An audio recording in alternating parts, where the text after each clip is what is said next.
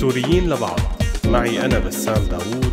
لنحكي عن مبادرات أنفية السوريين للسوريين. مرحبا. السوريين لبعض هن السوريين اللي بيدعموا بعض وبيدافعوا عن بعض وبيحموا بعض. واليوم رح نحكي عن السوريين اللي بيحموا بعض.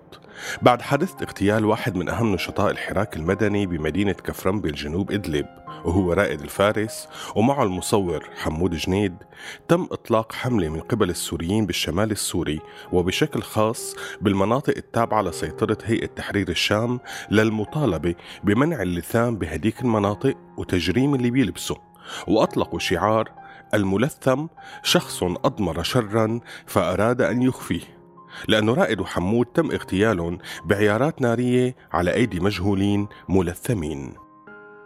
ترافق مع الحملة هاشتاجات انتشرت على مواقع التواصل الاجتماعي أبرزها انزعوا اللثام ولا للثام وهي الحملة ما إجت بس بسبب اغتيال الناشطين وإنما لأنه كتير من الظواهر ظواهر الخطف والسرقة والقتل والتفخيخ بمحافظة إدلب عم تكون على أيدي مجهولين ملثمين.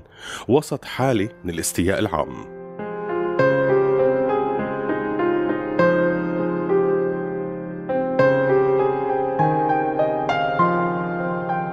جدير بالذكر إنه هاي الحملة مو الأولى من نوعها. انطلقت قبلها عدة حملات طالبت بنفس المطالب تحت شعارات متعددة منها أيها الملثم الإرهاب على جبهات النظام وليس بين الأهالي وفي الأسواق والمنتزهات ولثامكن يخيف أطفالنا.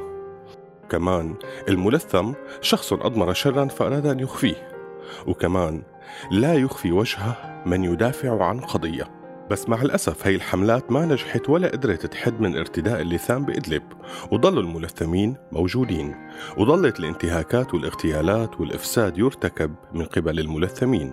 بس بهالحملة توقعوا ناشطين إنه يكون مصيرها مختلف عن اللي قبلها وإنه تلاقي صدى وتعمل نتيجة ملموسة لأنه اغتيال فارس وحمود عمل ردود أفعال واسعة محلية وعالمية وعلى اعتبارهم رمزين من رموز الثورة السورية وانهم كانوا من أوائل الثوار اللي سخروا إبداعاتهم ومهاراتهم لخدمة الثورة. الحملة بالداخل السوري بمناطق إدلب بتشمل منشورات وجرافيتي وغيرها. أما اللي كل السوريين بيقدروا يعملوه هو المساهمة بالحملة الإلكترونية ليزيد الضغط من قبل كل الجهات وتعمل الحملة أثر لنقدر من خلالها. كلياتنا كسوريين نحمي إخواتنا السوريين. سلام.